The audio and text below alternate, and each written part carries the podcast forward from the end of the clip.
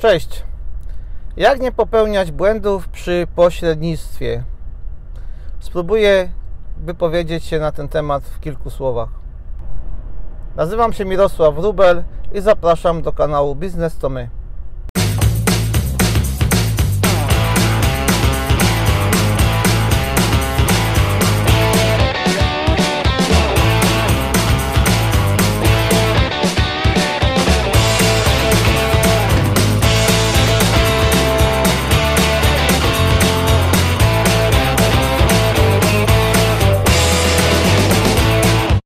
Bardzo dużo osób robi biznesy i jednym z biznesów to jest pośrednictwo wszelkiego rodzaju. Ja akurat mam pośrednictwo pracy, czyli agencja pracy i myślę, że to jest fajny biznes. Mogę tutaj ludzi, którzy znaczy firmy, które potrzebują e, pracowników, mogą ich ode mnie otrzymać ale ja bym chciał po, po, poświęcić e, pośrednictwu jako tako, czyli e, zaznaczyć, że pośrednictwo jest praktycznie na wszystkim. Można pośredniczyć w sprzedaży samochodów, można pośredniczyć w agencji pracy, tak jak ja w tej chwili to robię. Można pośredniczyć w handlowaniu, czyli sprzedaży wszelkiego rodzaju materiałów, które, które są w sprzedaży. Chodzi o to, że jeśli robisz umowę pośrednictwa, to tą umowę zrób. O co chodzi? Nie rób tego na słowo. Jeśli robisz biznes i, i uważasz, że partnerzy dotrzymają yy, danego słowa, to super, bo ja taki jestem, jeśli daję słowo, to tak musi być ale sporo firm i mam to doświadczenie już, że jeśli nie podpiszecie umowy, to nie uda się ten biznes. Przykład. Mając agencję pracy, dzwonią do mnie często, że potrzebują kierowców ciężarówek. W związku z tym, że przepisy mówią, że ci kierowcy potrzebują specjalne uprawnienia do przewozu towarów i tak dalej, ja tego nie, nie chcę robić, nawet nie mogę, ponieważ ten pracownik na umowie powinien być zatrudniony u mnie, a później wykonywać czynności w, w, dla kogoś i powinien być w zakładzie pracy. Tu jeśli chodzi o kierowców, to jest zakład pracy firma transportowa, ale ci kierowcy jeżdżą po całej Europie. W związku z tym przy kontrolach granicznych za granicą, bo ci kierowcy wyjeżdżają na, po całej Europie, pojawia się problem w dokumentach. I ja osobiście tego nie robię, choć wiem, że niektórzy to robią, ale później mają z tego tytułu kłopoty. Jak się zdarzy wypadek, zawsze trafiają do agencji pracy, bo to agencja pracy zatrudnia tego, tego pracownika.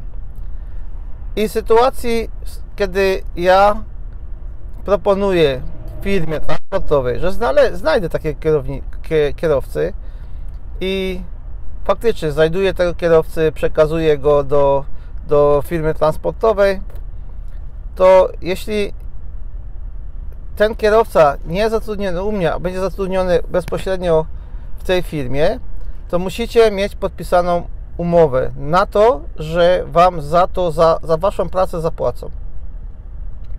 Często, żeby usprawnić i przyspieszyć te, te e, tą współpracę, ja mówię, dobra, wyślę do Was tych pracowników, zapłacicie mi 500 zł i nie ma problemu. No to firma mówi, dobrze, ale jak ten pracownik nie przepracuje całego miesiąca, no to ja nie zapłacę. Ja mówię, dobrze, ale jak, jak przepracuje, to mi zapłać. Ok. I co się dzieje dalej? A no tyle, że oni mówią, że ten pracownik poszedł i tak dalej. Albo pracuje, ale i tak nie zapłaci, bo nie wiąże nas żadna umowa. I tu się okazuje, że się wyfrajerowałem. Czy to się zdarza często? Tak, zdarza się to często. Jeśli teraz chcecie robić jakąkolwiek umowę pośrednictwa dowolnej rzeczy,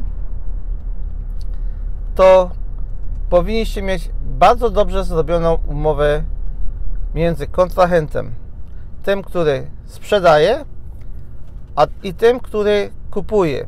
Chodzi o to, żeby Was nie pominięto w transakcjach. Jeśli macie prowizję od sprzedaży na przykład e, jakiegoś domu, bo biura nieruchomości dokładnie działają w ten sam sposób. Oni są pośrednikami. Znajdują e, budynek, który ktoś chce sprzedać, podpisują z nimi umowę, że oni się zajmą sprzedażą i szukają kupca. Jak znajdują kupca, to zauważcie, podpisuje się umowę, że nie możecie ich minąć, bo tak czy tak zapłacić prowizję. Czyli jeśli ich oszukacie, to oni wystąpią do sądu i wygrają sprawę, co, ponieważ oni wykonali pracę, za którą chcą otrzymać wynagrodzenie. Z reguły to jest około 3% transakcji, tak przeważnie biura biorą. 3 od kupującego, 3 od sprzedającego, razem 6. Więc niezły deal. Ale ważne jest, żeby e, te umowy były podpisane przez obie strony. I wtedy biuro nieruchomości kontaktuje tą osobę, która chce sprzedać, z osobą, która chce kupić. E,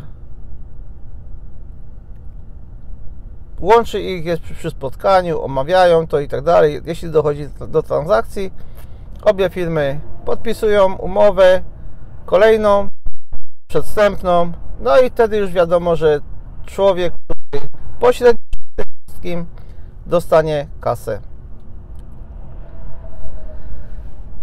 I teraz tak, jeśli robicie pośrednictwo zawodowo, czyli biura nieruchomości, to jest fajny biznes, ale trudny, bo bardzo dużo jest konkurencji,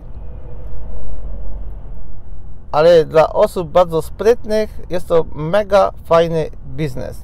Dużo pracy, trzeba dużo w internecie siedzieć, szukać, jeździć, oglądać te, te, te nieruchomości, kupować. Najlepiej kupić i sprzedać, bo po same pośrednictwo jest takie sobie. Najlepszym biznesem jest wtedy, kiedy kupujesz to mieszkanie i go później sprzedajesz. Jest to zdecydowanie lepszy deal. I patrząc na przykład biur nieruchomości, pokazuje się to dokładnie to, o, czym powiedziałem, że muszą być podpisane umowy.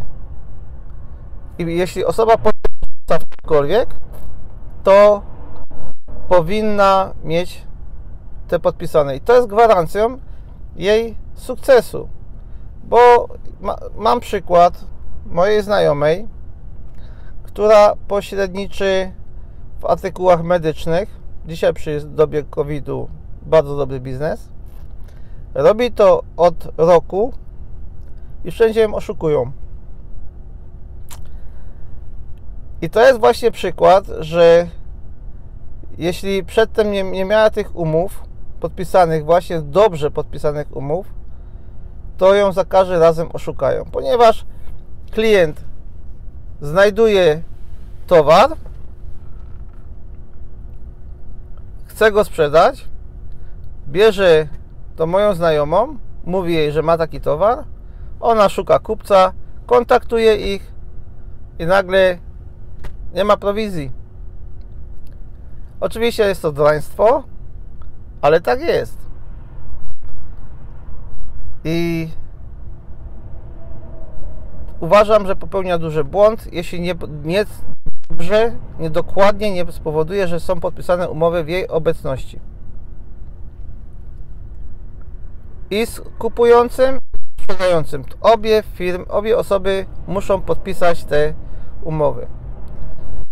Moim zdaniem, ta moja znajoma robi jeszcze jeden błąd, ponieważ zajęła się tylko medycznymi sprawami, które są w dzisiejszych czasach bardzo trudne.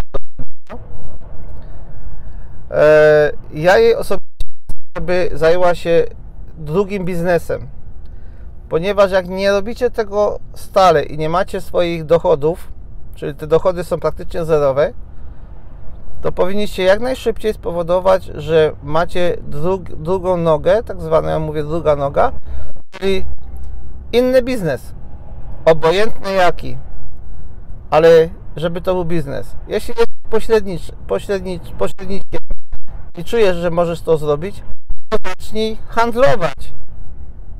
Na przykład, jeśli przyjmiemy, że można być ta branża medyczna, to trzeba towar kupić i towar sprzedać. Wtedy są pieniądze. A jak to jest trudny biznes, że nie wychodzi, nie, nie, nie idzie tego, bo branża medyczna jest specyficzna, to lepiej zająć się handlowaniem czymkolwiek. Ciuchami, modą, e, artykułami biurowymi, cokolwiek.